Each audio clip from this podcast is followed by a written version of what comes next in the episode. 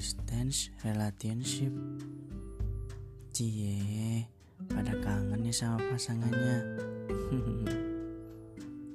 Siapa sih yang gak kenal sama LDR Hubungan jarak jauh yang sekarang lagi dialamin sama semua orang Gara-gara virus corona yang lagi viral ini. Sekarang kita berada di posisi di mana bersatu kita mati dan bercerai kita hidup.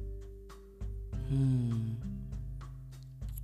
rindu sih, ya. Tapi mau gimana lagi?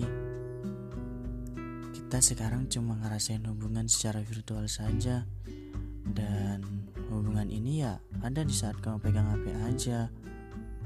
Tetapi di saat kamu nggak megang HP, hubungan ini seakan-akan menghilang, entah ke mana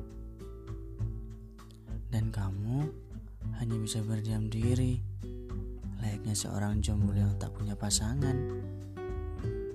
Bosan. Pasti.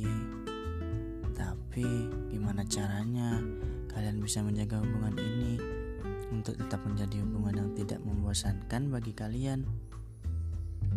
Jangan buat bosan untuk menyudahi hubunganmu ini. Apalagi mencari yang baru. Terus memulai dengan hubungan yang baru. Wah, bahaya tuh. Jangan saling menyakiti di saat-saat seperti ini, tetapi saling menyupport. Semangat ya kamu, buat yang sekarang lagi LDR. Habis ini kalian ketemu kok sama pasangan kalian masing-masing.